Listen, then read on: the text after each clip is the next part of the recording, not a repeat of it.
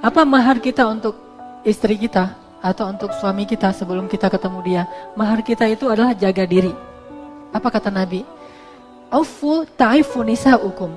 Jaga diri kalian, maka istri kalian akan menjaga dirinya untuk kalian. Jadi kalau kita pengen dapat cewek yang misalnya menjaga pandangan, kita harus jaga pandangan dulu. Kalau kita pengen dapat cewek yang pemalu, kita harus punya sifat ma malu. Kalau kita pengen dapat cewek yang orangnya cerdas, kita harus banyak belajar. Kita pengen dapat cewek itu yang benar-benar ideal menurut kita, kita juga harus memperbaiki diri kita supaya ideal. Jadi at-tayyibin lit Orang-orang yang baik itu ketemunya dengan yang yang baik. Jadi gimana kita ngebayangin calon pasangan kita? Maka kita harus mulai diri kita dulu untuk menjadi seperti itu. Insya Allah Allah akan mempertemukan demikian. Kenapa? Al jaza min jinsil amal. Balasan itu tergantung jenis amal. Balasan itu tergantung jenis amal. Memang ada pengecualian. Ada juga orangnya baik, soleh, tapi pasangannya enggak Nah ini pengecualian, gak selalu terjadi. Yang banyak terjadi justru yang baik ketemu yang baik, yang tidak baik ketemu yang tidak baik. Atau yang baik ketemu yang tidak baik, kemudian menjadi ujian bagi dia atau menjadi rahmatan bagi dia, kemudian orang itu menjadi baik. Intinya perbaiki diri kita kalau kita ingin mendapatkan yang terbaik dan itu pasti berlaku. Jadi niatin aja dari sekarang. Kenapa kamu menundukkan pandangan? Biar dia di sana juga nundukin pandangan. Kenapa kamu rajin taklim? Biar dia di sana juga rajin taklim. Siapa tahu ketemunya di taklim yang sama misalnya. Hal-hal yang seperti itu perbaiki di diri itu mahar kita. Dan itu akan berlaku banget buat pasangan kita. Atau bahkan udah menikah juga bisa kayak gitu. Kenapa? Karena orang yang sudah menikah akan diuji dengan pasangannya lewat dosa-dosanya sendiri. Saya pernah ngerasa kayak gitu.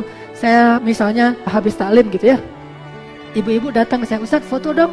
Gitu kan ada sekitar 3-4 orang ibu-ibu pengen foto sama saya. Oh iya iya ya kan nggak enak tuh ditolak. Udah Ustaz foto dong gitu. Udah gitu fotonya nempel. Saya ke sini ada ibu-ibu, ke sini ada ibu-ibu kan gitu. Akhirnya aduh, jadi gini saya tuh kayak orang menggigil. Terus karena udah agak jarang ditampilin lagi, udah ada jepret gitu. Ternyata Allah langsung membalas.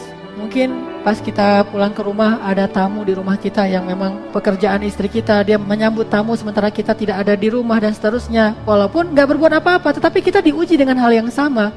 Dia akan Allah utus untuk ngeganggu istri kita sebagaimana kita juga pernah melakukan hal yang sama. Dan itu terjadi. Saya ngerasain banget dan bukan karena kesalahan istri saya juga, memang ada yang sengaja datang. Kadang-kadang ada SMS nyasar, ditelepon berkali-kali atau apalah. Mungkin karena saya beberapa kali ngebalas SMS curhat atau konsultasi tengah malam. Jam 12 malam, Ustadz boleh tanya? Jam 12 malam.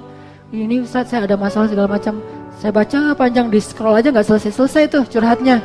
Udah gitu dibalas, balasnya diladenin terus jadi panjang, larut gitu. Nggak ada niat apa-apa tapi jadi larut. Ternyata nanti ada aja yang ganggu istri atau gimana aja pokoknya ada aja yang kayak gitu-gituan. Bisa jadi dari luar, bisa jadi macam-macam lah kasusnya. Intinya itu berlaku. Makanya saya percaya banget dengan istilah dari ulama al jaza menjinsil amal. Kalau bahasa orang Hindu mungkin karma ya. Tapi kalau kita nggak nyebutnya karma tapi al jaza menjinsil amal. Balasan itu tergantung jenis amal.